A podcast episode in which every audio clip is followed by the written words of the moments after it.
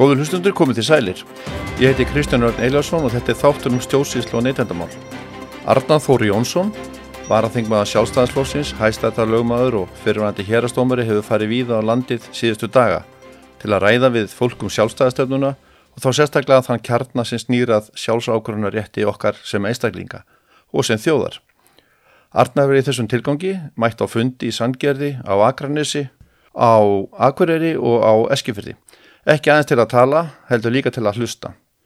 Ég ákvaða að fara á eitt slíkan fund en upptengan sem hér veru spiluð er frá fundinu sem haldin var í Tónbergi, tónleika og rástunussal tónlistaskólans á Akrensi. Þar fengur fundamenn tækja verið til að tjá sig og nýttu það vel. Við skulum hlýða á Arnathór. Komið í sæl og takk fyrir að koma. Þetta er fundu nummið tvö. Við vorum að fundi í Sandgerði núna uh, í síðustu viku og hann var mjög vel sóttur og gaman að að hérna, fá að tala þar og, og heyra hvað fólk er að hugsa.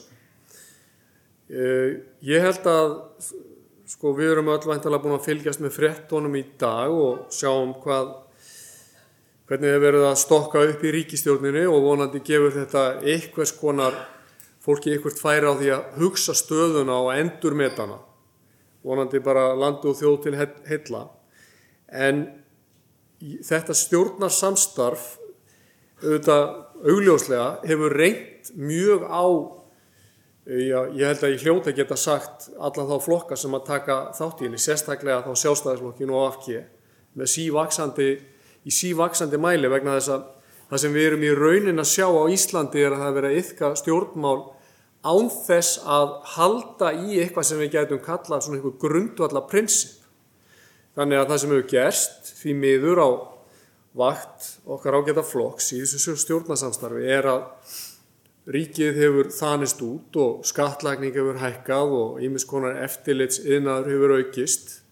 Og það sem verra er að, og ástæðan fyrir því að ég er að búa til þess að fundar er að það verið að leggja fram eða það kom fram núna á vorþinginu frumvart sem gerir á fyrir því að lagasetningavald alþingis sé útþynt og að Brusselveldið fá í auknum mæli að ráðskast hér um innaríkismál Íslands.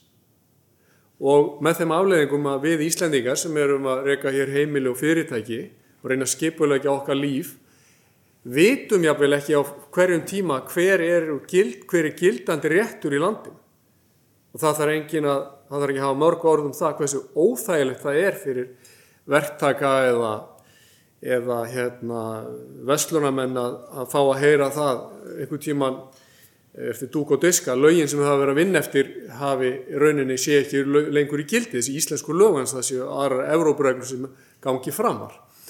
Og, og staða Íslands innan þessa EES samstarfs er, er orðin þess eðlis að ég tel valla hægt lengur að kalla þetta samstarf vegna þess að í mínum augum verðist að vera orðið einhvers konar einstefnu gata þar sem við erum bara í því hlutverki að móttaka reglur og, og borga þá í auknum mæli gjöld og skatta hérna, til þessa yfir þjóðlega fyrirbæris og lúta forræði þess án þess að geta veitt viðnám, án þess að geta breytt reglunum og án þess að geta afnumið þær.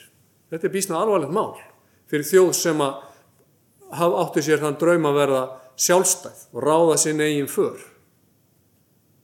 Þannig að ég held að það sé mjög mikilvægt fyrir Íslandinga að halda lifandi þeirri sögulegu reynslu sem við eigum öll að þekkja.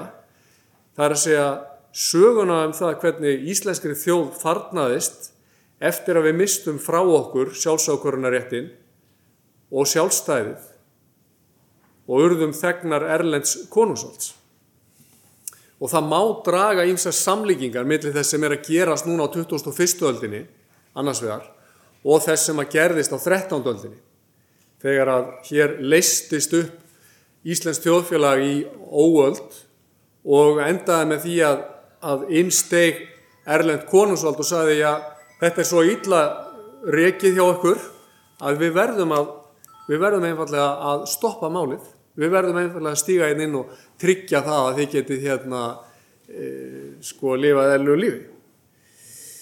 Þannig að ég held að uh, öllu svona söguleg, öllu svona söguleg meðvitund, það má ekki drepa hana niður og það verður að halda því lifandi líka að Íslandingum hefur farnast best þegar við höfum verið sjálfstæð þjóð. Þannig að uh, í þessu ljósi hef ég sagt, það er eðlilegt með vísan til alls þess sem ég er búin að segja núna, að við stöldrum við á ornu 2023 og hugsum sjálf og ræðum það okkar á milli, er, erum við á réttri leið, er leiðin rétt vörðuð, erum við að lifa og starfa í samræmi við þau gildi sem við höfum viljað leggja til grundvallar í okkar lífi. Og það sem ég vil ekki sjá gerast, en ég hef haft vaksandi áhyggjur af, er að sjálfstæðisflokkurinn sé að jaðar setja þau grundvallamál sem að hann var rauninu stopnaði til að verja. Og ég hef sagt að sjálfstæðisflokkurinn hefur, hefur ábyrðar hlutverki að gegna í íslensku stjórnmál. Hann hefur tekið að sér ákveðu vörslu hlutverk sem er til dæmis að halda standa vörðum málfrelsið og þar með að standa vörðum líðræðislega stjórnarætti því að ef við erum ekki málfrelsið þá erum við ekki mennit líðræði. Og svo meðum við ekki gleyma því að í öllu þessu tali um frelsi fólks til orðs og aðtapna þá hefur sástæðarflokkurinn sérstak vörslu hlutverk en síðast en ekki síst að standa vörðum það grundvallamál sem við sjáum í stefnu yfirlýsingunni þessari fyrstu að Ísland taki að fullu öllu öll, sín mál í sínar eigin hendur. Hvernig má það vera í ljósi slíkra yfirlýsinga að það gerist á árinu 2023 að ráð þeirra sjálfstæðisflósi leggji fram frumvar sem gerir ráð fyrir því algjörlega að mínu viti að ófyrir sinni og nöðsinnalösu að Íslands ríkisvald sé framselt til erlendra stofnana. Ok, ef að það er hérna, ef að það væri líðræðislegu vilja Íslendinga, þá myndi ég skilja þetta. Ef að það væri stjórnaskrar ákvæði sem að myndi leifa þetta, þá get ég mögulega skilja þetta. Ef að það hefði verið rætt fyrir kostningar að þetta staði til og það hefði verið kosið og viðkomandi hefði fengið skýrt umbótilega að gera þetta, þá get ég skilja þetta. En í ljósi þess að allt þetta vandar, þá er þetta óskiljanlegt með öllu og ég tel að það sé bara, það sé algjörlega óásættanlegt, svo ég segi það hér, fyrir alla þá sem að aðhyllast sjálfstæði stefnuna að forn og nýju, að þetta frumvart verði lagt fram og verði stutt af þingflokki sjálfstæðisflokksins og verði samþygt af alþingi. Í þessu fælst, ég hef ekki notað stór orðum þetta en ég mun, ég mun ekki veira, við, veira mig við að gera það ef að máli heldur áfram. Ímsir hafa notað orði eins og sveik við stjórnaskrána og jafnveg landráð. En ég, ég, ég trúi því ekki að máli haldi áfram. Ef að það verður gert þá þarf að láta, sagt, þá þarf að láta sko hartmæta hörðu sko með öllu sem í því fælst. Og ég held að margir af okkar tröstustu sjálfstæðismönnum muni gera það, muni láta fórustuna heyra það og, og, og, hérna, og ekki láta þetta yfir sig ganga ef að málið heldur áfram. Þess vegna er mikilvægt að það séu send út mjög, mjög skýr skilabóð. Og núna, ef að þetta er þá rétt, er það ekki, er það ekki staðfest núna eftir fundin í dag að Bjarni ætlar að stíga inn í hlutverk utarkisáðara. Þetta er ekki ljóst. Og, og Bjarni, ég, ég hef aldrei, sko, ég vil bara segja það hér, ég held að ég hef aldrei hallmælt Bjarni Benediksinni, ég hef aldrei gert það, nema eina sem ég hef sagt mögulega ljóttum hann, var að þegar ég sagði að, að ef hann ætlaði að styðja þetta frumvart, þá ætti hann að íhuga hvort hann væri réttum flokki. Og hvort að flokkurinn ætti áfram að heita sjálfstæðisflokkur. Já, svo að hérna, ef að menn eru annar borð formenn og bjarni formaður þessa flokks, þá geta menn ekki búist við því að sé, þeir sigli alltaf í skjóli og að hvað sem gert sé, þá sé það án gaggrinni. Þannig að ég, ég stend við þetta sem ég sagði, að ef að menn raunveru alltaf fara að vinna gegn grundvallar stefnu miðum þessa flokks, þá þurfið þeir að fara að hugsa sinn gang.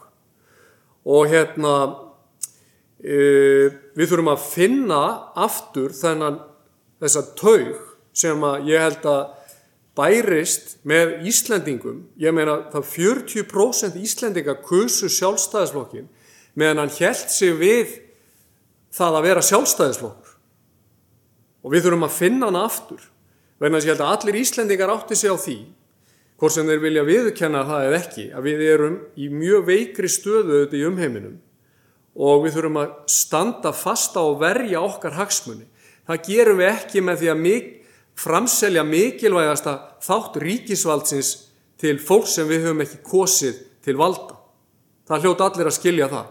Og Haraldur Ólafsson sem situr nú hér orðaði þetta frábælega. Hann sagði við kjósum ekki, það er ekki skynsalegt að kjósa fólk eða veita stopnunum völd sem við getum ekki kosið í burtu. Og ég ætla ekki að fara út í þá sálma hér reynslu breyta því að reyna að koma sér út úr Európa-sambandinu en bara allir vita hversu erfið svo ganga reyndist þeim.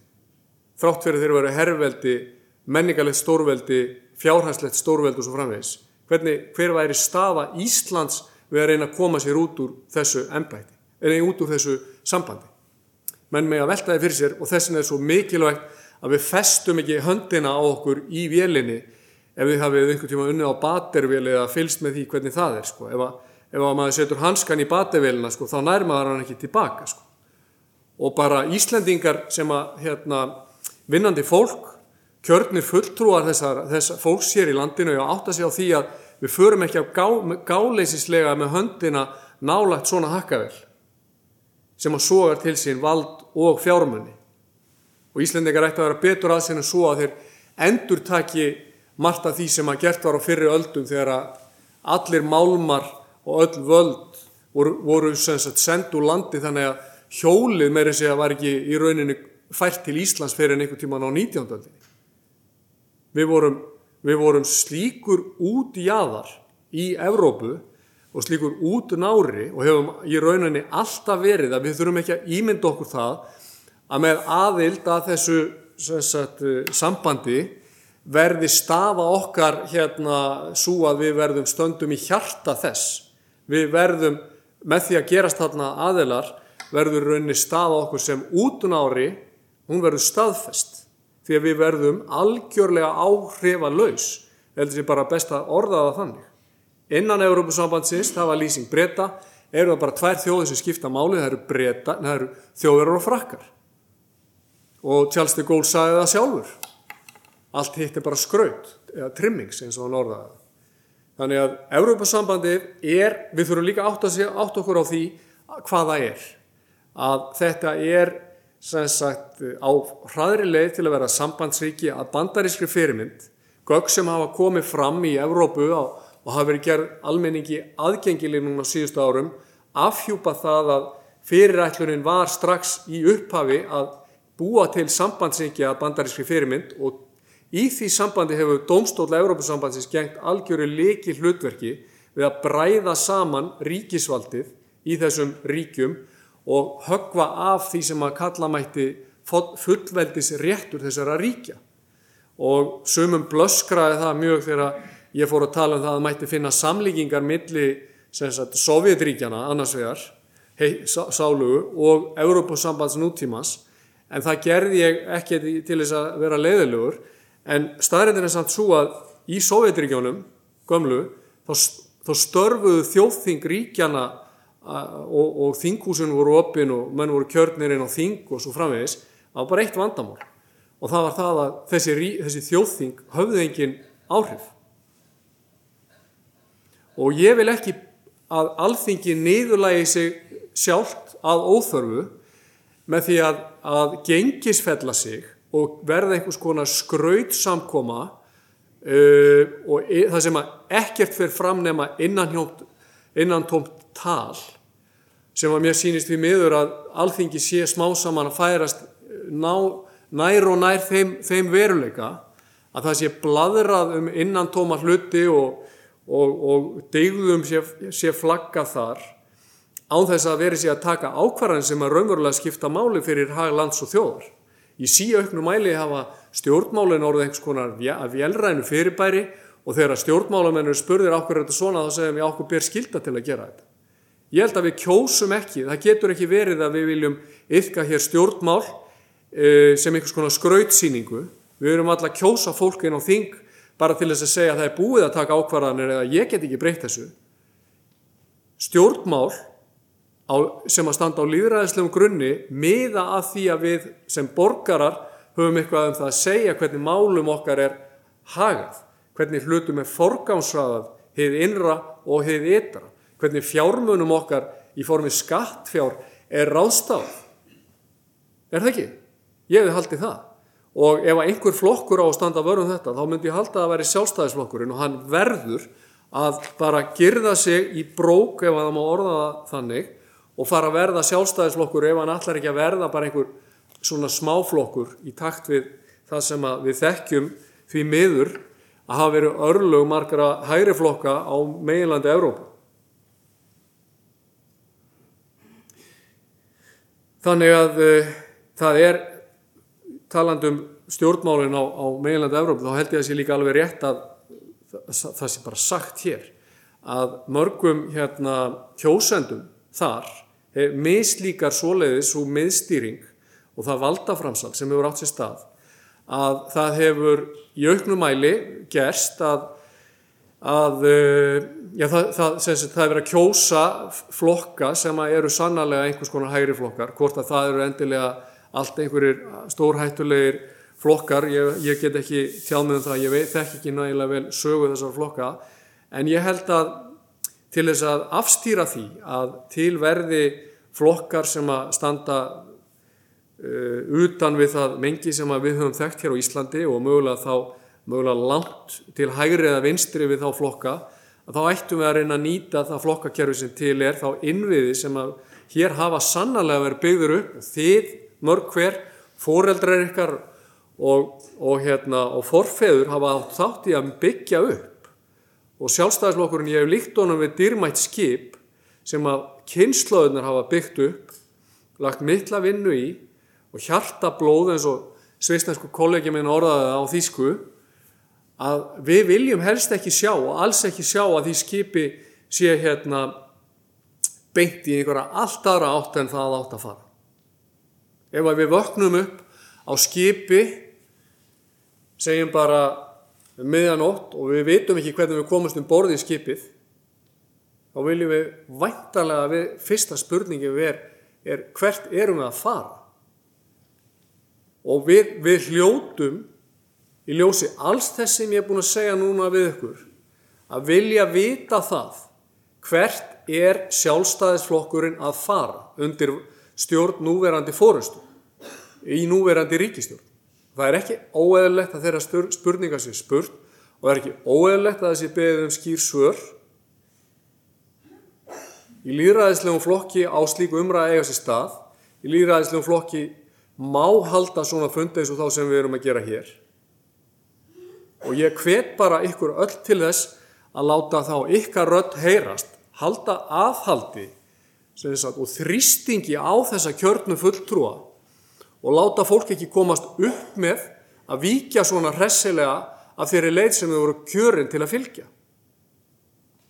Þannig að ég vil segja við ykkur bara kannski að lókum að eh, ef þið flettið þessu, þessu tímariti sem ég var að segja ykkur frá hérna áður en að fundurinn hófst að eh, þá er að, þar að finna ímis ímsa svona kvartningu til sjálfstæðisflokksins eins og þá að, að hérna, það sé hans hlutverk að standa á fylsta rétti þjóðarinnar í innaríkis og utaríkismálum og halda á lofti meðvitund meðal almennings um það að sjálfstæðisbaráttun er ekki lokið. Það er sóta sjálfstæði í Íslendinga í ymsu formi og það er gert með því að skerða lögjafald okkar. Það er ekkert grín mál. Það er ekkert gaman mál og, og halda á lofti hér áminningu um það og einhvers konar varnaðar orðum um það að það sé ekki sniðut að innlega hérna yfir þjóðlegt miðstjórnavald Evrópusambandsins og að sjálfstæðislokkurinn eigi að stuðla hér að vald dreifingu og styrkja alþingin ekki að veikja það. Það sé hlutverk sjálfstæðislokkurinn að standa vörðum réttaríki með öllum þeim fyrirsjámanleika sem í því fælst en ekki að veikja réttaríkið með því að opna gáttir er og innflæði erleits réttar og það sé sérstaklega hlutverk sjálfstæðisflóksins að styrkja líðræðið en ekki veikja það en líðræðið er að sjálfsögðu veikt ef það á að færa lögjafavald úr landi og síðast en ekki síst að það sé ekki á í umbóði kjósenda sjálfstæðisflóksins að, að ríkisvald sé lagt í hendurnar á fólki sem svarar ekki til nefnar ábyrðar gagvart íslenskum kjósend. Þetta eru grundvallar mál og ég ætla að segja eitt í viðbúnd að því að fjölaði minn orðaði þetta þannig viðmjöðum daginn, hann segi venjulegir íslendingar hafa engan, engan, á, engan áhuga á að ræða um lög og lögfræði. Ok, og fullveldismál, ok, ég segi, ef, hvað, hafa, hvað er það þá sem að brennu svona á Íslendingum? Þá segir hann, það eru efnahagsmálin og skattarnir og vextirnir og ég get skilið það. En, kæru vinnir, ef við viljum lækka hér vexti, ef við viljum setja bremsur á útgjöld ríkisins, ef við viljum koma böndum á verðbólkuna, þá er það leiðin til þess að setja til dæmis lög og forgámsraða hér innanlands og í útgjöldum sem beint er til annara ríkja. Og það gerum á líðræðislegum grundvelli en ekki með það að ofur selja okkur fjarlæg og valdi. Þannig að ef að það er rétt, sem að ég alltaf ekki þetta efast um, að efnahagsmálinn séu aðal áhuga á máli Íslendinga, þá er leiðin til að taka á þeim málum vantanlega best svo að það sé gert á grundvelli líðræðisleira umræðu og innlends lagasetningavalds, en það sé ekki verið að snúa hlutónum þannig á kvolf að ímynda sér að fólk sem að svarar ekki til að ábyrða gagvart okkur og þarf aldrei að sjá okkur og þekkir ekki til aðstæðina fólks, til dæmis hérna á Akranesi sé best til þess fallið að fara að taka ákvarðanur um efnahagsmál og forgámsöðun á Íslandi. Ég tel að það sé glabræði og ég vil loka kannski fundunum með þá kvartningu til ykkar um það að þið raunverulega fari hérðan út og tali við alla sem að ykkur tengjast, hvort sem það heita kjörnir sveitastjórnamenn eða kjörnir alþingismenn eða fjölskylda eða vinir eða nágrannar og ræði við á um þessi, þessi alvarlegu þróun sem er eiga sér stað hér á Íslandi. Þannig að við öll hver og eitt, hvert og eitt getum verið staðið til varnar landin okkar og sjálfstæðið þess og lögunum okkar og liðræðin okkar og réttaríkinu og framtíð barnan okkar.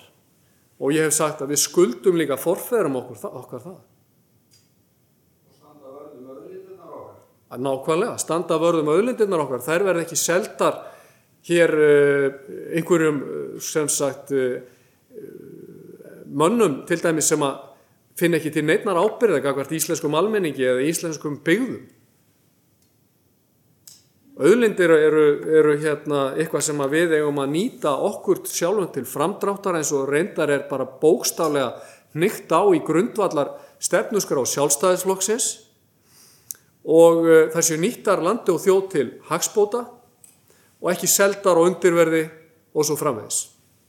Stöndum vörðum það, takk fyrir það. Og þar með, já, þar með allir ég ljúka minni ræðu og svo getum við talað saman. Nú förum við í auðlýsingar en komum svo strax aftur þegar almennar umræður hefjast.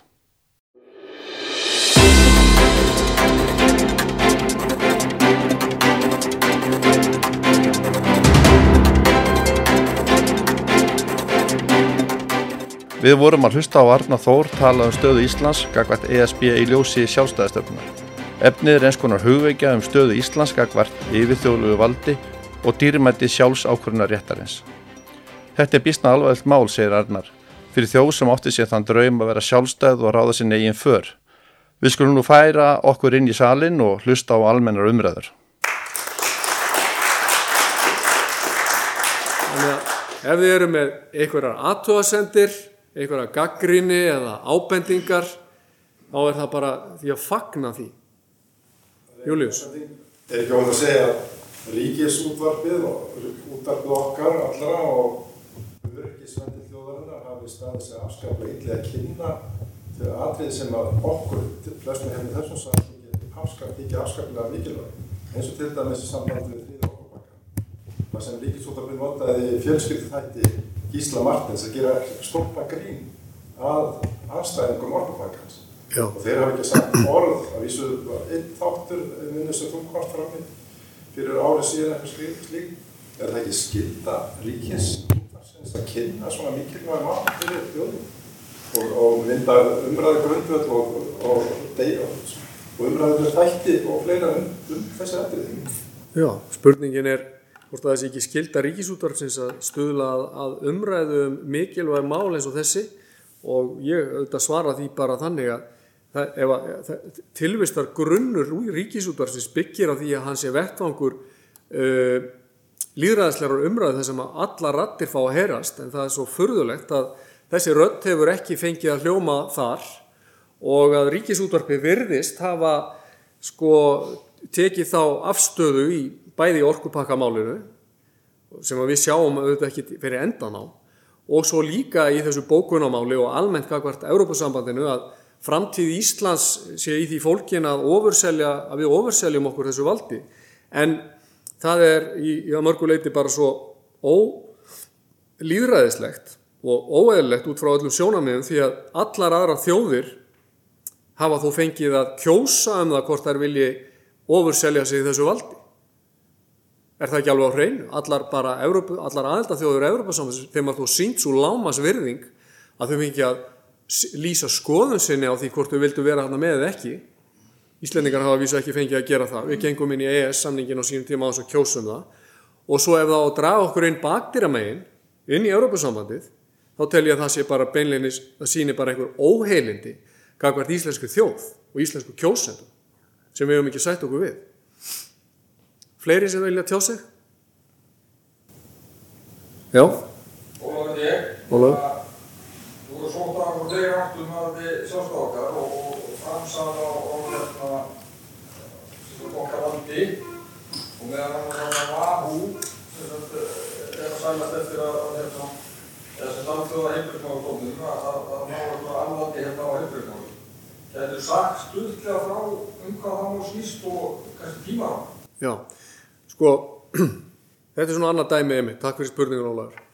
Annað dæmi um það að þegar ég fyrir að, og aðrir, menna margir er að tala um þetta vísvegar um heiminn, að við stöndum frá mig fyrir ákveðinni svona vá, e, líðræðis og stjórnafarslegri vá þegar kemur að hú. Og e, þá segir fólk, já, er þetta ekki bara einhver samsæðiskenning? Ég segi á móti, við horfum á það gerast hér e, á síðustu misserum að stjórnarskráin okkar var í rauninni tekin úr sambandi.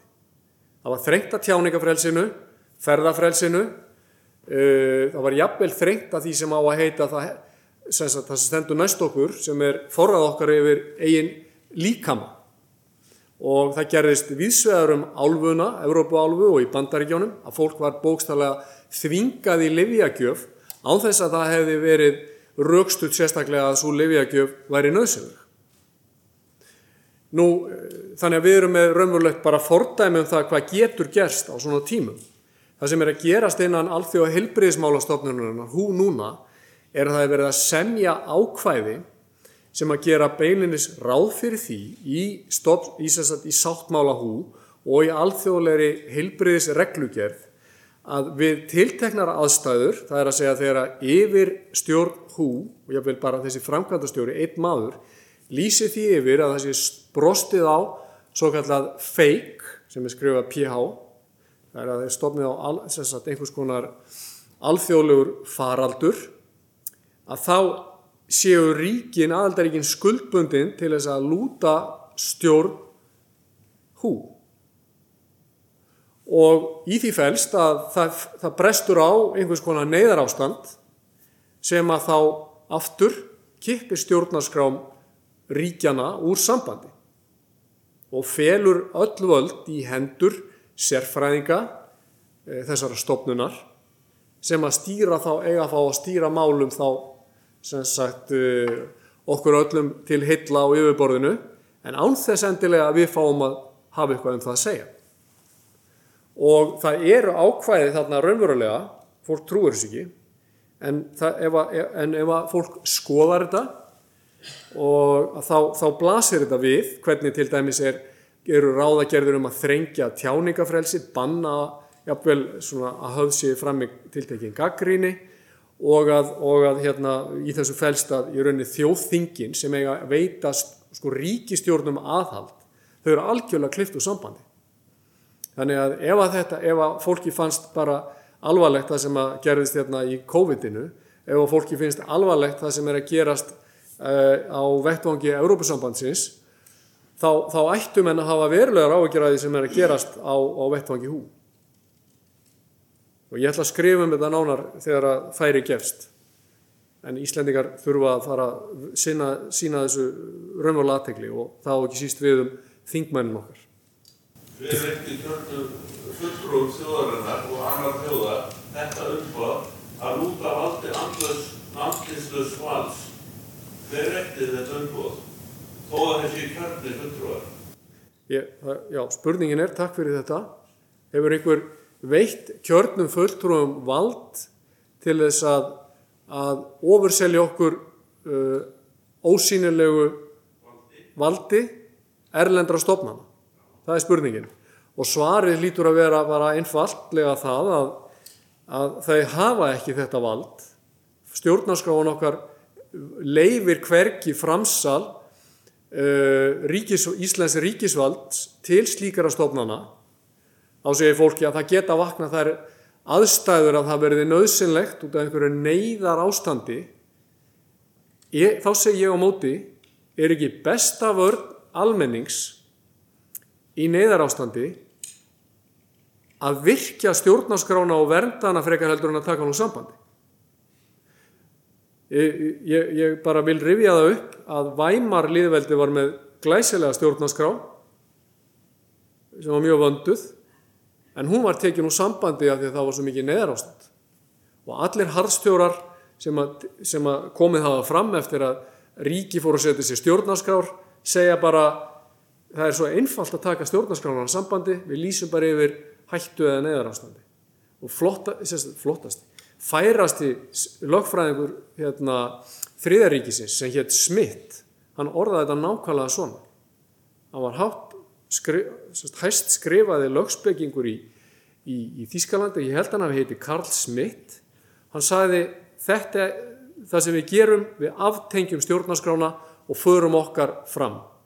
Og tilvitnunin ef þið viljið lesa hana þá heitir hún þetta er, þetta er úr bók eftir vinstri sinnaðan akademiker sem heitir On Tyranny og hún er svona lítil bók það sem er vitnað í þennan smitt og nákvæmlega útlista hvernig menn fóru að því að, að, að í rauninni aftengja allt sem hétt borgarleg, almenn, líðræðisleg vernd, tjáningafrelsi og aðhald og þrýgreining ríkisvalds og allt svo leiðist. Það er bara út með það af því að það var lístið við neðarastandi.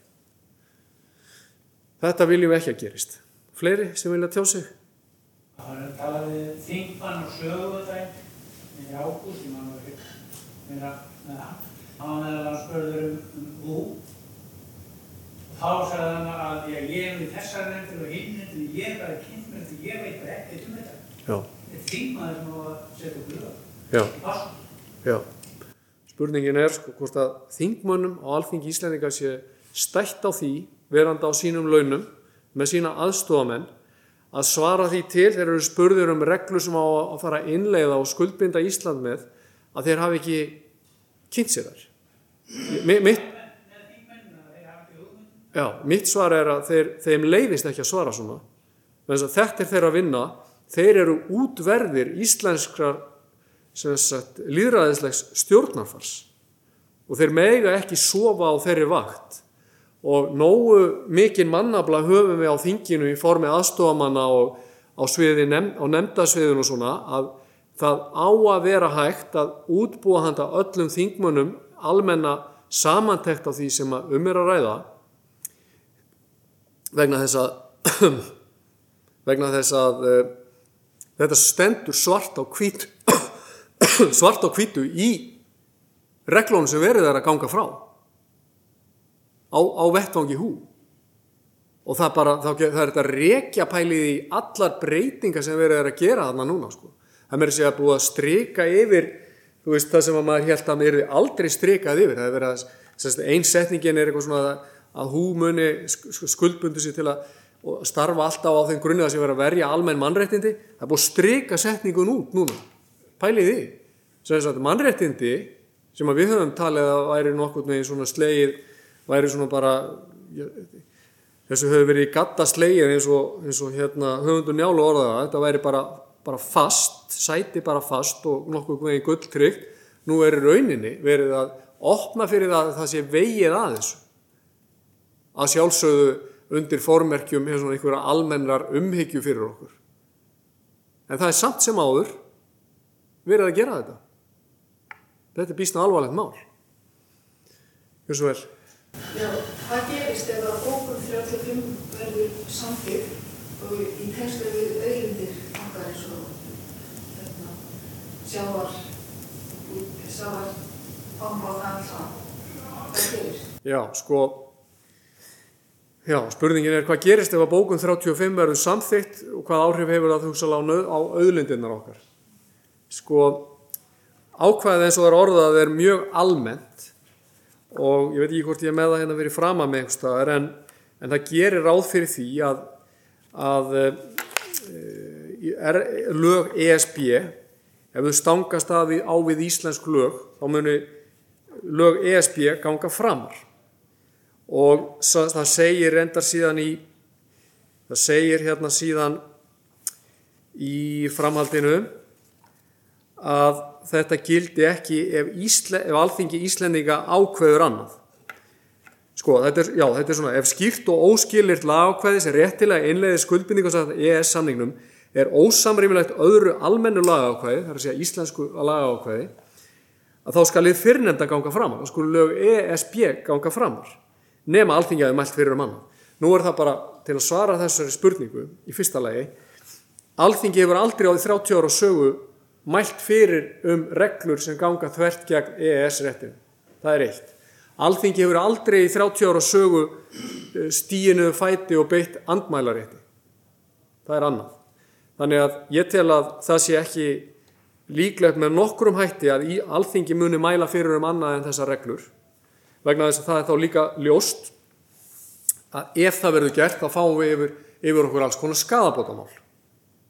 Þannig að þýsk fyrirtæki getur sagt, þegar við erum búin að fjárfesta hérna á Íslandi, við gerum hérna samninga við Íslenska ríkið eða Íslenska útflytjandur og grundvelli þessar á þessar regla, ESB-regla og nú ætlum þið að fara að setja reglur um það að íslenska reglur sem er að fara að mæla fyrir um annað, nú erum við búin að, nú erum þið búin að baka okkur, tjón og við erum að fara í skadabótamál og það er það sem getur spilast. Þannig, síðan hitt að, að sko almennir svona út, óútfylltir hérna, víkslar eða tjekkar er ekkert mjög sniður og við vitum það að á 30 árum hafa svið og ímislegt verið felt undir EES samningin sem aldrei stóð til að yrðu felt þar undir. Við þekkjum það til dæmis að landbúnaður og sjávarótuður var sagður undan þegin.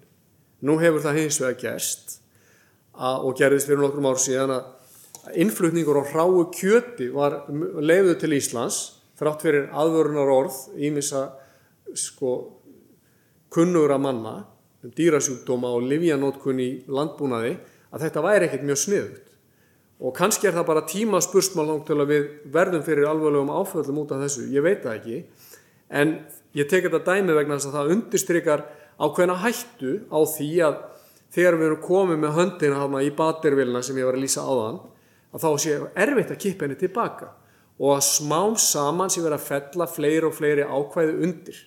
Þannig að það sem að mun gerast, það sem að, sko, það sem að til dæmis geti gerst varandi auðlindirnar okkar, talandu um það, er að við erum búin að skuldbind okkur til þess að lúta öllu því sem að fellur undir þriðja orkupakkan um miðstjórnarvald stopnana ESB og þess að þá segja menn við mig, já en Þetta skiptir einhver máli, það hefur ekkert gerst. Og þá segi ég, þetta er svona svipað og maður sem hefur verið varað við því að setja höfuð á sér í snurru og stígu upp á pallin, stendur upp á pallinum og segir, okkur voru það að banna mér að gera þetta? Það hefur ekkert komið fyrir mig. Og einn daginn gæti það gerst að það verði nefnilega bara sleft, pallinu verið kift undan og þá erum við ítla sett. Og hvað gæti það verið? Það gæti verið það að að það verði allt í einu orðið fjárhærslega gerlegt og talið arðbært með þá ný, nýri tækni hugsanlega að leggja sæstreng til Íslands. Og um leið það gerist þá verður sagt nú er ekki lengur forsendum til að reka landsvirkjun á, á, á, á þeim forsendum á, þeim grunni sem að það fyrirtæki hefur rekið hinga til. Það verður að brjóta landsvirkjun upp og selja hana og allir geti þá selt sína orku inn á, á, á dreifi neti til Evróp.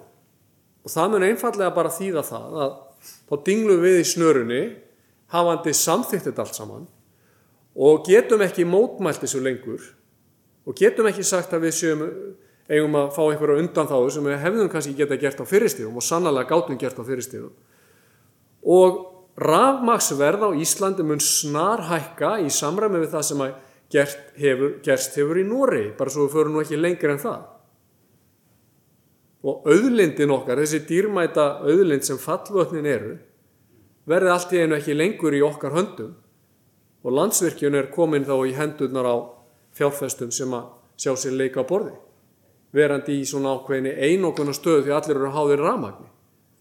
Og ég er ekki á móti markasvæðingu frekar heldur en aðri sjálfstæðismenn, ég held eins og vera ákveðin svið þjóðlífsins eigi ekki að vera ofurselt markaslögmálum og þá er ég til dæmis að tala um vatn og ramagn og svona það sem kalla mætti lífsnauðsinjar og það er, ef þið fletti bara sjálfstæðis hérna, rítinu hérna, sjálfstæðis stefnunni það er svona, það er, þetta er rít sem að margir eiga frá 1929 til 79 gamla ræður formana sjálfstæðisflokksins. Mér sýnist allir vera sammálu um það að það er að virkja auðlindi landsins almenningi til hagspóta til þess að renna stóðum hér undir gott atvinnulíf og, og, og heimilislíf landsmanna.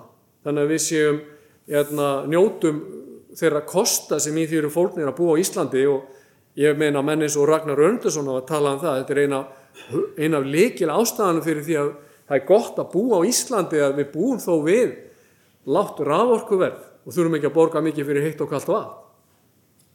Akkur ættum við að vera að skemma það?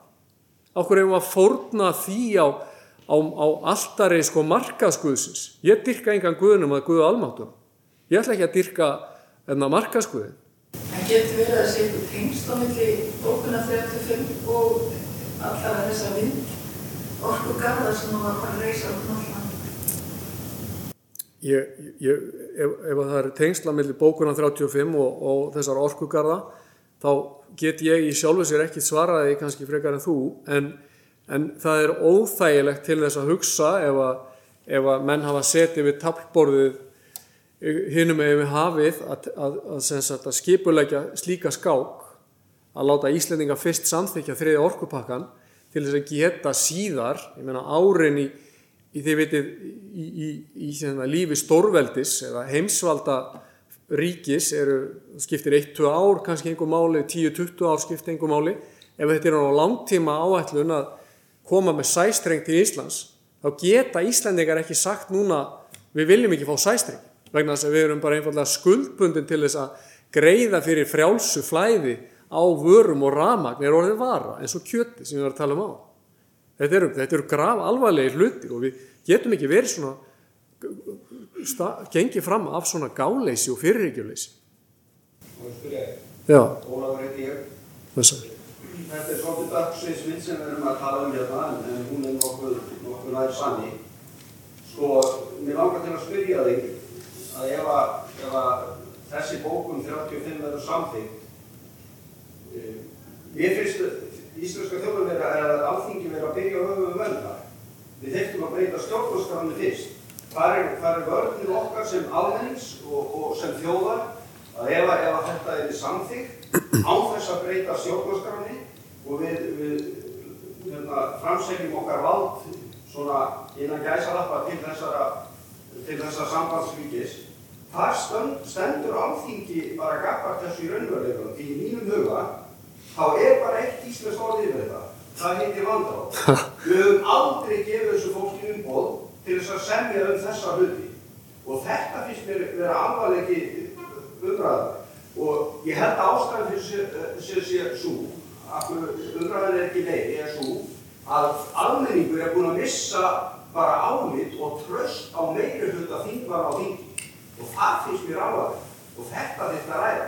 En það er náttúrulega ekki hægt að ræða ákveðna hluti í ríkisjónvarpinu sem á að vera okkar öryggisvendit og, og svona halda upp í líðræðslega umræðu. Þar stöndum við í rauninni ef, að- ef, að- segjum að þessi dökka sliðsmyndi myndi ganga eftir. Það segir í góðum fólk spyrjum gömlu göturnar, hver sé hamingju við þið? Og það er ekki verið að tala um það við um að taka upp allt það sem að þeir í fortíðinu til, heldur læra af því sem að gekk vel og hefur gengið vel og, og, og nota það til að hjálpa okkur inn í framtíðina og standa vörðum þar sem við höfum á þann stað sem við höfum komin á. Mér finnst þetta bara graf alvarlegt mál sem við höfum að tala um hér og það er aðeins svolítið sérstætt að ég, nú- ég haf nú litið á þessu pólitísk liðrinni hingað til sko og er það ennþá. Ég hef aldrei verið flokksbundinn og en ég hef mjög sterkar skoðanir en ég er alveg hissað að skulle gera fleira fólk hérna. Bara ræða þessi mál. Það, það, er, sko, ég, Ólafur, ég vil að þú haldir fundi eins og ég er að halda núna. Þú heldur þrjumur ræður, sko. Og ég vona að þetta hafi náðst að bandið. En að að þetta er bara graf alvarlegt mál. Uh, varandi ef við, ef við sagt, uh, hvað á maður að byrja? Þú veist að Aldous Huxley skrifaði merkilega vísindaskáldsöðu á 2000-öldinni þar sem hann spáði fyrir um s- f- þjóðfélag framtíðarinnar þar sem væri ekkert mál að stýra liðinu og hans sín var bara það að fólki verður bara haldið uppteknu við einhverja helvítis fróð og það skipti sér þá ekki af stórumálunum á meðan. Stórumálun bara fara fram með á og skip í myrkri sko. en það sem þú vart að segja er auðvitað algjörlega satt. Og þannig byrja á öfugum enda. Og ég saði nú við einn hérna ráþherra í ríkistjórnunum daginn sem fór að tala um bókunamáli við mig að hann hann sko mætti, mætti átta sig á því að ég tel nákvæmlega að sé verið að byrja hérna mál, máli á öfugum enda. Þetta þau hafi, sé, hafi ekki umboð til þess að framselja þetta vald. Ég sagði ef að það líðræðis, væri líðræðislegu vilji íslenskrar þjóðar að undangengnum þá e, stjórnarskrár breytingum þar sem Íslendingum gefist kostur á að kjósum þetta þá er ég ekki svo forstokkaður að ég ætla að standa í vegi fyrir því að ríkisvald er þið samþygt en vandamálið er bara nákvæmlega eins að þú orðar þetta Ólafur þau hafa ekki umboð til að framselja ríkisvaldið með þessum hætti í báa við stjórnarskrána. Og það er alveg ástæða fyrir því að þetta, þessi bókun 35 er bókun en ekki inn í EES samningnum. Vegna þess að þeir sem að komu að EES samningnum á sínum tíma, svo við nefnum nú bara kannski tvö nöfn, Jón Baldvin Hannibalsson og Davíð Oddsson, sem eru nú báðir stálgreindi menn og menn með að hafa alls konar skoðinar á þeim. En þetta, það verður ekki aðeins tekið að þetta eru stálgreindi menn og þeir áttuðu sig á því að það var aldrei bóði að hafa þetta inn í lögum þess að það gengi gegn stjórnaskráni og ætla að fara að gera þetta síðan bakdýramegin með einhverju svona blitzkrík á vorþingi án umræðu, viðunandi umræðu og í báa við stjórnaskrá er bara þess eðlis að ég tel að orðnótkun þín, Ólafur, hún sé réttlætanleg. Þó ég sé svo feimin að ég noti ekki orðið landráð að þá, þá, ha? Já, ég er líka dóni sko því að ég, ég hef sagt alls konar hluti í hitta leiksin sem að ég hef ekki átt að segja sko ef ég ætlaði mér að eiga pólitíska framtíð. En, en hérna en þetta er gravalveld mál, ég er algjörlega sammálaðir og það er bara það er að verða brínt að við náum að vekja almenning til vitundanum hvað er að gerast. Og ég held bara því miður að í tilum því sem hún segir að þá, þá einhver staðar á, tím, á línunni verðum við að segja við sjálf okkur býtu, þetta fólk sem við kusum þau er ekkit endilega að vinna fyrir okkar ha- hagsmuni. Þau er ekkit endilega að gæta okkar hérna hagsmuna. Þau eru mögulega alveg eins og við stöndum fram með fyrir ég var að þetta í morgun.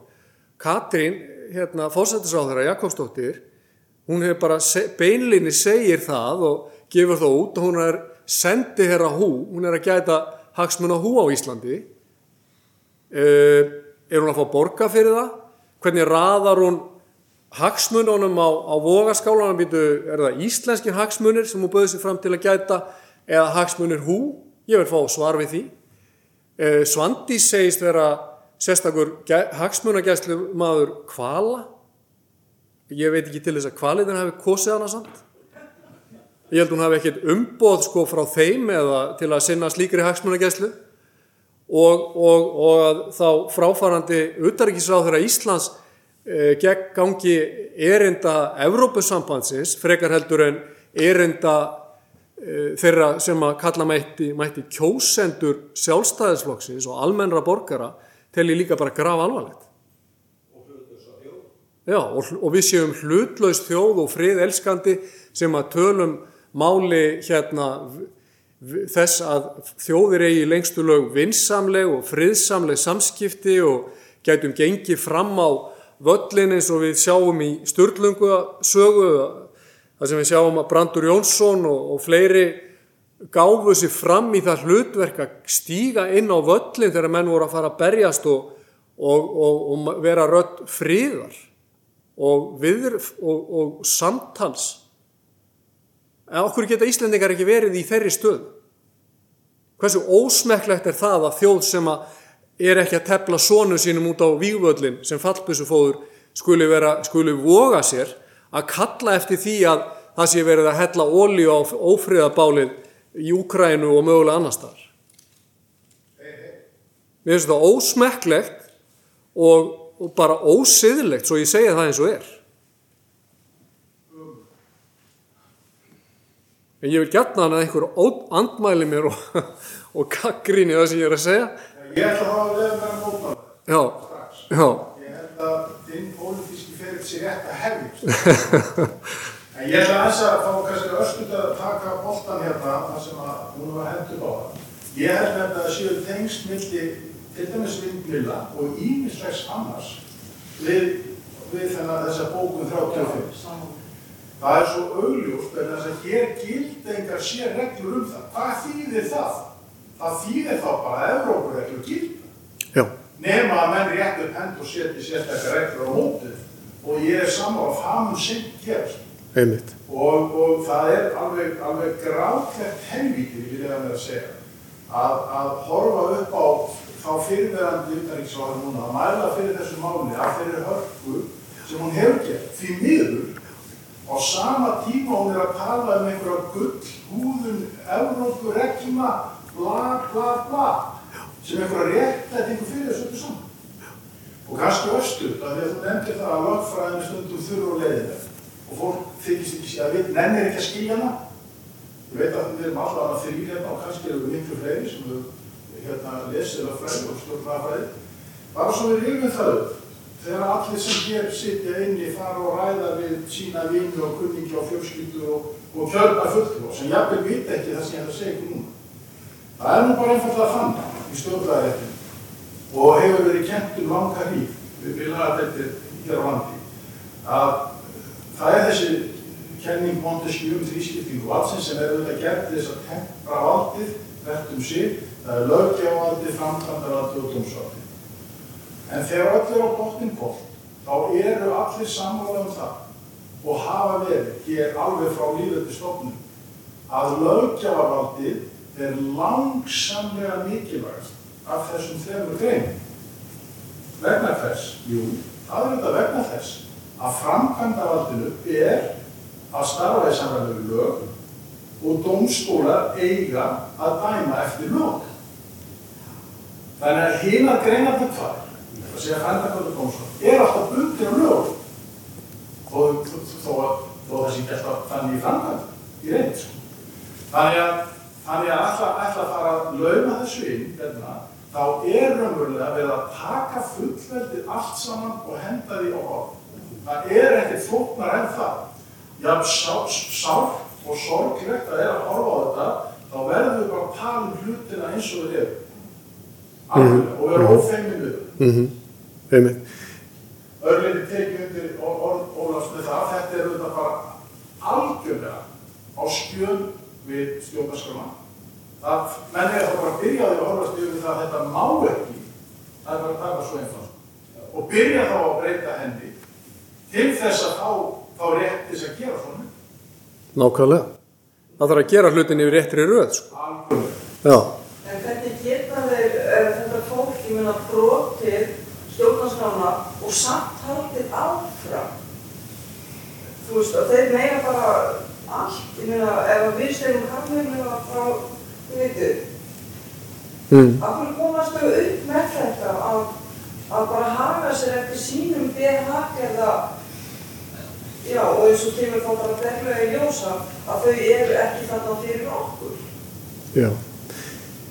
Þetta er, þetta er, ég vona eftir, aftur, ég vil að það heyrist vonandi á upptökunni, þetta eru frábæra, frábæra spurningar, frábær sjónamið og málflutningu sem á, á, á hér erindi. Ég held að það sé, það er mjög leiðilegt að segja þetta og ég veit að margir hérna þingmenn og embættismenn eru voðalega sárir þegar þetta er sagt en, en uh, traust samt sem áður er þetta bara staðreind að traust almennings til fjölmiðla, traust almennings til þingmanna, traust almennings til embættismanna og sérfræðinga og alls konar fagstjætta er, á, ég er nánast í frjálsu falli. Og það er út af því að mörgum almennum borgurum finnst að þessar fínu stjættir sem að sumi vilja kalla elítur séu ekki að þjóna lengur þeim uh, því vörslu hlutverki sem að þau hafa tekið að sér og að, uh, og að þau líti svo á að þau séu í einhverju þjónustu erlendra stopnana eða í einhverju samkrulli með kollegum sínum, erlendum kollegum. Og það hef ég kallað hotlustu villu. Það er að segja að þau, þau eru búin að gleyma því við hverja þau hafa hotlustu og, og uh, það er til bók sem að er merkileg og er, hún er nú ábyggilónin 30-40 ára gömul hún heitir Revolt of the Elites. Og ég bendi ykkur á hana af því svona í stjórnarfarslegu tilliti eins og Björn Þorrið var að tala um stjórnarfarsettin þá er þetta mjög merkilegt svona rít því að það er verið að reyna að leggja að kortleggja það hvernig í raun og veru fólk sem að gegnir vörsluhlutverkinu hefur farið með skrújátnið inn í kerfið og er að losa skrúðunar á stjórnarskráni og losa um margt það sem það eiga að vera herða á. Og þetta er að gerast í, sem sagt, í bandaríkjónum höfum við séð þetta gerast og víðar og auðvitað valdi sem að sem að hérna Evrópumenn þá á, mið, á, á meiland Evrópum búa við er ekki líðræðislegt vald. Evrópusambandi er í grunninn ekki líðræðislegt stopnum og fer sínu framdaldið á þessu nótum sem þú ert að lýsa en meðan við eigum þingmenn sem við kjósum á þing þá verðum við að veita þessu fólki aðhald og láta þau svara til ábyrður og segja við að þú mátt ekki gera þetta, þið megið þetta ekki. Já, það eru bara svo sorglega margir í landinu, bara almenningur sem að veit akkurat ekkert hvað er að gerast og er akkurat ekkert að spá í það. Mm. Og það er alveg gríðarlegur fjöldi. Já, Og mér finnst það alveg frábært ef að við hérna, að búum hérna á Akranesi, hérna gætum auglýst og haldið áfram að koma saman bara á okkar, hérna bara verið með einu í viku, bara við bara komum saman og, og, og, og ég trúi því að, að smátt og smátt er það fleiri, við erum bara þumlega að koma með.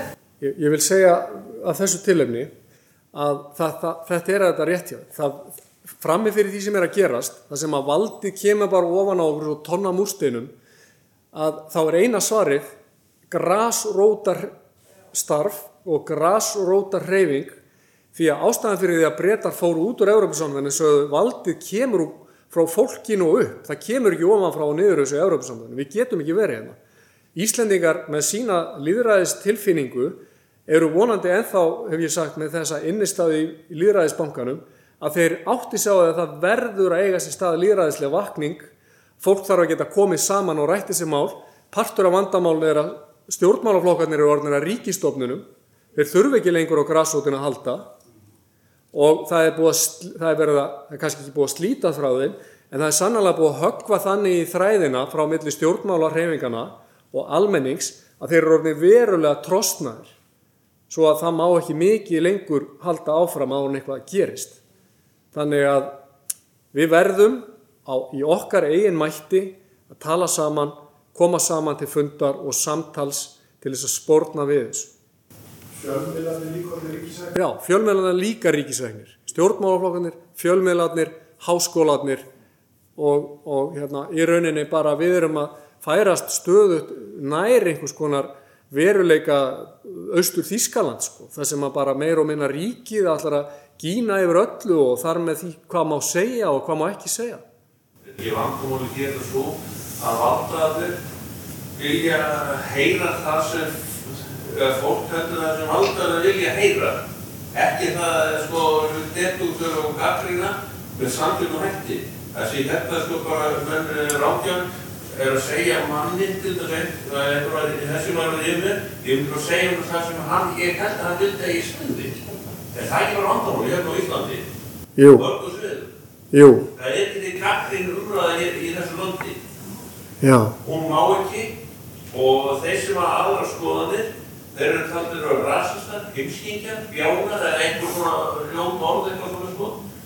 Og það er verið að búa til eitthvað svona ákveð svona elitiskístem hérna sem eigi að vera. Hvað má segja, hvernig að segja og með hvað hætti. já, Gagrinn umræðan, hún er alltaf til hér á landi. Og eins og voru að tala um að stjórnmálokkur og það eru nútið ríkisvöldinni og þeir til að fara sér öllu fram og þú segir að þeir eru ekki nokkuð á grænsumar og það held ég til þess að fórasta sjálfstaflóksins ég er að gera. Og ég veit að fulltast sjálfstaflóksins við ekki að þeir eru alveg í kók og þeir eru að segja margir við mig. Ef þetta bókunrönd hefur lagt fram þá förum við úr flokknum. Já, það heyri ég líka mjög við að þetta sé þannig mál að það muni valda bara massífum um- úrsögnum og flokknum ef þetta heldur áfram. Og ég er ekki vissum að sástaflokkur vilji kalla það yfir sig. En það verður tímin að leiði ljós og ég er sammálaðir með það sem þú segir með að þessa, þessa fábreytni í sjónarmiðum, samt er þetta þjóð sem að hópast í miðbæ til að fagna fjölbreytileikanum að því að hún segir, en þegar kemur þá að skoðunum, þá er það ekki svo vel séð, er það. Fjölbreytileiki skoðunum er ekki vinsæll á Íslandi. Nei, Ég, ég má aðeins bæta það, ég er mikilvægt að ha- ha- halda sannleikana til laga. já, Vegna þess að sannleikurinn hefur bara einu hlutverki gegna, það er að. Já. Sannleikurinn er ekki eitthvað sem okkur finnst eða okkur langar til að sé eða höldum að sé, sannleikurinn er. Og ég held að það sé að það er í öllum málflutningi að vegna þess að við búum við svo mikla afstæðislu og einstaklingshyggju að það er ekkert, er ekkert hægt að ræða, ræða máli. Sannleikurinn er með sjóðin afstæður, mm sjáðu. Þannig að ég, held að, að bara öll rauksöndarfæsla, hún, þarf ekki að vera mjög flókin, heldur að hafa sannleikan uppi við og hafa ljósinu. Þannig að, þannig að við, við, við getum valið á viti þess sem að er rétt á. Við vitum það að það skiptist á ljós og myrkur og í virkinu erum við fálmandi og við erum, við erum hérna, þeim okkur áfram og sjáum ítla og greinum ítla. En í ljósinu, það er sannleikurinn. Og hann er til þess að, að verða og, og, og leiðin okkur að halda sannleikann til haga. Ég, ég er sammálaður, en ég, ég vil líka bæta við bara eitt, þetta er ekki, veist, ég er algjörlega sammálaður sem segir, en eitt sem ég vil bæta við þetta er að meira segja í myrkrinu að þá heyri sérkver maður rödd samviskunar innra með sér og kann að greina á milli hérna, þess sem er satt og, og logið, myndi ég halda. Þannig að það er líka það sem er partur af okkar nútíma ruggli öllu, er að við heyrum ekki lengur þessa rödd, okkar innri rödd og við notum ekki nægilega miklu mæli þessi innri domgrind og við erum alltaf að býða eftir einhverja aðri segja okkur hver er rétt skoðun. Í líðræðislegu heilbreyðus tilliti er þetta bara ekki þannig sko.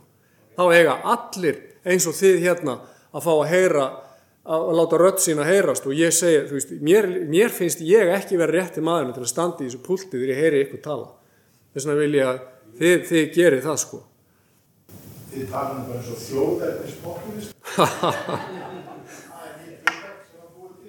Já, ok. Ok, er það þá, er það að vera populisti, er það, er það, ef maður er á móti, móti sko opinberu útgáfin af því sem má segja? Ok, ha, ok. En það er svona umhugsunarefni fyrir ykkur sko, hvernig getur það verið að, að í rauninni verði að það sé til ein útgáfa, ríkis útgáfa af sannleikan? Er það eitthvað eðlilegt ástand? Ég held ekki ein ríkis útgáfa af því bara sem maður má segja ég, þetta, er, þetta er svo þetta er svo austur þýst eitthvað að maður maður veit ekki hvort maður, hvar maður er lengur sko. Það er rosalega ríkjandi að það er stegið fram einhverju hugmynd og þetta er allt saman vísindarlega samnat Já. aldrei gengið eftir því hvað þessi vísindi er Já, það er náttúrulega líka vísindin eru líka í rosalegri úlfa kreppu sko. því að þau leifa ekki, það er verið að berja niður á vísindasviðinu, læknisfræðinni, livjafræðinni, loftslagsfræðum við öllu, þá bara verið að berja niður gaggrina rattir. Það er mér verið að sem sagt, tímaritt er að standa í vegi fyrir því að gaggrinar greinar byrtist, veist, starfsmenn háskóla sem að höggja á framgang í það að verða lektor, dósent eða prófessor með ekki víkja út af þessari línu því að þá verður staðið í vegi fyrir framgangið þeirra og svo framvegs. Þetta er, í svo mörgum myndum að, að, að það er orðið svona áhyggjumál. En, en, en sko það sem að auðvita í, í tilvæm því sem þeir eru að segja að sannleikurinn sko kemur alltaf fram. Hann kemur allt, hann verður ekki dulinn til lengdar. Þetta á ekki skilti vísindi sem það er, er núna. Nei, þetta er valda, þá er það bara niður. það er auðvitað, við vitum það að, að sem, til dæmis bara stóru livjafyrirtæki eru stóru kostunaraðilar í að öllum rannsóknum og erfitt fyrir þá háskólamenn kannski ef að teljast fullkomlega hlutlausir ef að sá sem er að borga þér, þú veist alveg hvaða niðurstöðan vil fá. Það. Ef að ríkið er að veita styrki til einhverja tiltökuna rannsókna þá kannski veistu líka nokkurn veginn hvað þú átt að segja ef þú vilt fá meiri styrki eða fá að tala á ráðstöfnum og svo framvegis. Þetta er ekki einfalt. Þess vegna er, er svarið, ég meina, sem, sem sjálfstæðismenn eigum við að vita það að svarið er ekkit allt fólki í því að ríkið eigi að geta upp hvert svið mannlífsins á fætur öðru. Heldur þvert á móti að gefa einstaklingunum rödd og aðtapnafrelsi. Ég held að það hefði farið mjög hátt að, að lýsi á að bara gera rannsóknir og lýsi í sambandi við COVID. Og fengu mjög góða niðurstöður úr því. Fengu háan styrk til þess að halda rannsóknum áfram. En það fór ekkert rosalega hátt að það var ekki nokkrum dögur setna þá var kipum styrkum kipti bak Nú að það. það er að styrki Ok. það var því að þetta eru rannsóknir sem að í sambandi við þetta að lýsi eða áhrif á veiru Mm. D-vitaminu, já, ég trúi því. En styrknum var klikt tilbaka þetta hérna innan þess. Ótrúlegt. Já, ótrúlegt. Veistu hvað aðeins það var sem að, Það, veistu hver það var sem að veitti í upphafi? ég, það var það, en það er rannsóknar, einhver rannsóknar sjóður hérna. Við hljóður. Já, já, það eru rannsóknar sjóður, sko. Það er ekki eitt þetta. En það er interessant líka í til að því sem sagði þetta að, að sko Evrópsambandi að það er búið að ná tökum á fræðarsamfélaginu með útileg peninga. Já, Þetta er ekki bara innan, stóru styrkir koma utan. já, Það er byrtast þetta reglulega fréttir af einhverjum vísindamanni sem fikk 200 miljónur, 500 miljónur eða 700 miljónur til að rannsaka eitthvað Mhm. og ég bara segi Guð minn góður í hvert sinn Mhm. vegna, þess að, vegna þess að þe- þetta fólk er ekki að fá styrki til þess að gera annað en það sem er þessu er- erlenda valdi þóknar. mhm, Það er engin, það er engin að dæla peningum í íslenska vísindamenn öðru sem að þessi, þessi að gera eitthvað sem þeir eru þóknar. Það segir bara sjá. mhm, Nei, Það er allt til sölu fyrir pening. já. Líka vísindi. mhm. Þessi vísindamenn sem hafa í áratugið haft rödd og er að tala gegn því að loftslagsbreytingarnar séu á mannavöldum, að einhverju leiti, við, við mættum ganga betur um, um jörðina og, auðvitað jarðarinnar og allt það og fara og rástafa því betur. En, en ég komst yfir, það var erlend dagbað, ég man bara ekki hvað það heitir sem að breytum ég, ég hvort það var linkur sem ég fór inn á hjá þér á þínu bloggi. Þar var verið að byrta umræður, það var einhver, einhver svona tölmanördi sem hafi náð í samskipti milli fjölmarkar vísindarána. Og þeirra sem að hafa hæstu röddina núna í Európa og tala fyrir þessari miklu loftlagsvá sem að er gaggjart til þess að ræða fólk og, og auðvitað fer hún ekki framjá. Það er hvert mannspall sem, sem sér það. En það átt að vera rökraður milli þessari vísindamanna og þetta var eins og, þetta voru eins og börn í sandkassaleg. Það var engin raukstunningur frá þessum sem að halda láslagsvanni á lofti, en þessir gömur sem eru búin að vera í háskólum um allan heim virtusta háskólum og, og, voru nú að raukstíða sitt mál með, með miklu skilsalega hætti og, og síndu fram á það sem vísindin gátur sanna sem að var og er sannleikur, þeir tóka yngur raukum. Þetta var bara eins og börn í sandkassaleg. Þetta, Mhm. þetta var fáránlegt að lesa þetta. Það voru hundruði tölvupósta þar sem að virtir vísindamenn voru bara jáðarsettir. Já. Nú, Því miður, allt og mörg dæmi um þetta. Það er bara, það er bara að að einu þá, þá uh, taka vísindin á sig mynd átrúnaðar einhvers konar. Og við, veist, það er ekki hlutverk vísindana og við því verður að bregðast. Og, og það sem er, það auðvitað er að gerast að, að, að hluta til kannski því að menn er átt að segja á því að það er kannski ekki endilega besta fyrir hérna, ung, ungt fólk að fara að ganga í slíka réttrúnaða kirkju sko, ef, að, ef að háskólan þarf alltaf fara að breyta sér í heilaþóttastöðar. Þá er miklu be- heilbrigðara fyrir ungt fólk að fá sér sem sagt, að fara í yðnám eða bara fara að vinna. Sko. Það er svo Björn Tóri sagði, það er gaggert verið að, að selja þetta og veita peningum einmitt í þetta Já, einmitt. Já, En hvernig er hægt að borga sig frá veðrinu? Er ekki veðri bara, sé það ekki, eða náttúrulega hún heldur áfram saman hvað við borgum í því þetta. Já, Og hvað verður um þessi peningur? já, ég, það eru menn hérna inni betur til eins fallin að svara þessu eins og Haraldur Ólafsson hérna. Að hérna, ég ætla að láta hann um það en, en vissulega kerfið eins og það er sett upp, býður upp á alls konar spillingu og, og, og millifæslu fjármuna til fólk sem er sannarlega ekki til þess, þess umkomið að, að breyta veðrinu sko. Við skulum alveg hafa það á hreinu. Ég, ég held að enginn sé svo valda mikill að hann geti það sko.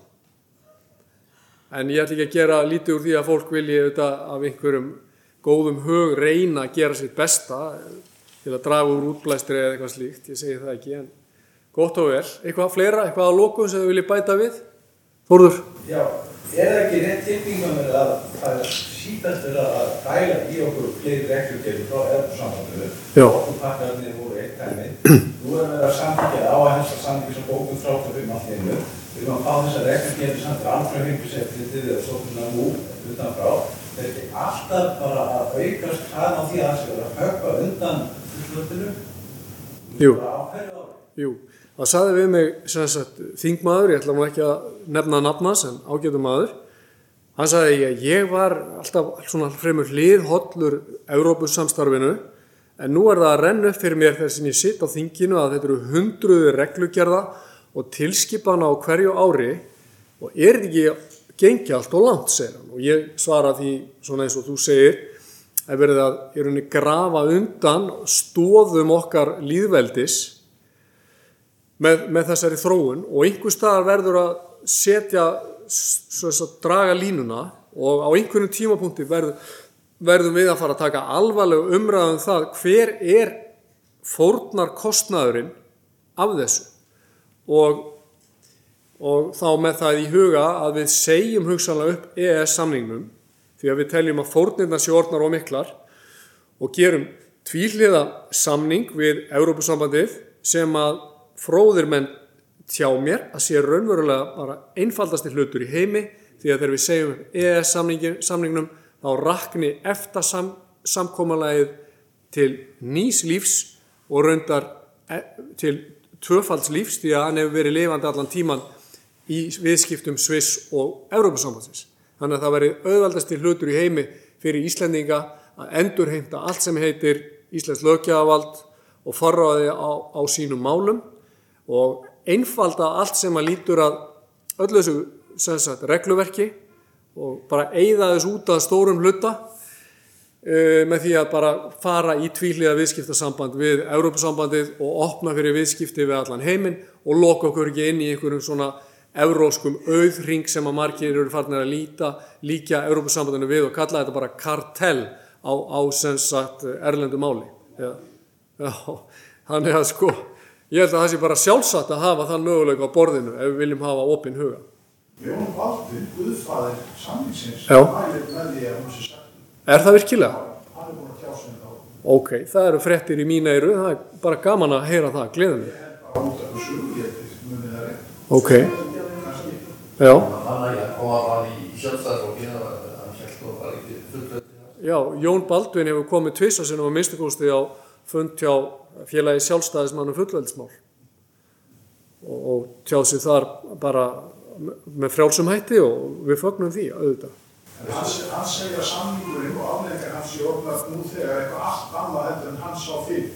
Já, Og að, að tala um það að menn sé ekki að nýta undanfáðunar sem, að- sem að við höfum og Já. höfðum og það var einn aðal sölumónti, ég alveg eftir þessu, þegar við erum að, að, að lögfesta samningi. já, að það, það aðal depparinn var að við getum fengið undan frá, frá, öllu og, og einhvern annars sem að Nákvæmlega. síðan eru bara einhver dag. Nákvæmlega, en- er akkurat þetta, hversu er alþingi til þess að setja stopp. Eh, Það, það, sko, þegar alþingi er búið að stíga í þessa, þessa gildru þá munu þeir aldrei segja fara, að að við ætlum að setja reglur sem ganga gegn þessu því þeir vita hverja afleggingarnar því verða sem eru rándýrar fyrir Ísland. En að því hún nefnir þetta Björn Þórið þá vil ég segja þetta, rifja það upp að í árdaga þessa, þessara samningaviðræðina við Evrópu bandalagið var alltaf talað um að það er því sameileg ákvarðan að taka milli EFTA-ríkjana annars vegar og EB-ríkjana hins vegar. Þetta er í tveggjastóða kerfi sameileg ákvarðan að taka þangað til að Jacques Delors segir árinu kringum svona 1990 það verður ekki sameileg ákvarðan að taka. Þá var horfið að því að segja EFTA-ríkin halda neitunarvaldi. Og það er það sem að Jón Baldvin hefur staðið mjög fast á og, og það er ástæðan fyrir því að ég hef varð að blanda mér í pólitík er að einhver lagadeldar dósend eins og ég kalla viðkomandi sagði Íslendingar get ekki sótt um undan þá frá þrið orkupakkanum þá fór ég að andmæla því og ég talaði við bæði Daví Oddsson og Jón Baldvin og ég hafði það eftir þeim að prenti eru þetta var grundvallar forsenda af hálfu Íslands á sínum tíma að við hefðum sinjunavald það stóð aldrei annað til ef að það hefði átt að stíga ofan á það og svift okkur að því- slíku valdi þá hefðum við aldrei skrifað undir samningi sögðu þeir báðir. Og þetta má ekki glemast ok, en ég bara ég er mjög gladur að hafa komið og hitt ykkur. Ég er mjög þakklátur fyrir eitthvað góða aðtöðasendir ég vil bara heyra þessa rattir sem víðast sem oftast og ég held að við verðum að nota þennan kraft og þessa vitsmuni sem að hér eru í þessum sal til að byggja upp einhvers konar grasrótar hreyfingu sem að skila sér vonandi til þessara háu þingmanna þannig að þeir fara að hlusta. Takk fyrir mig og takk fyrir fundin.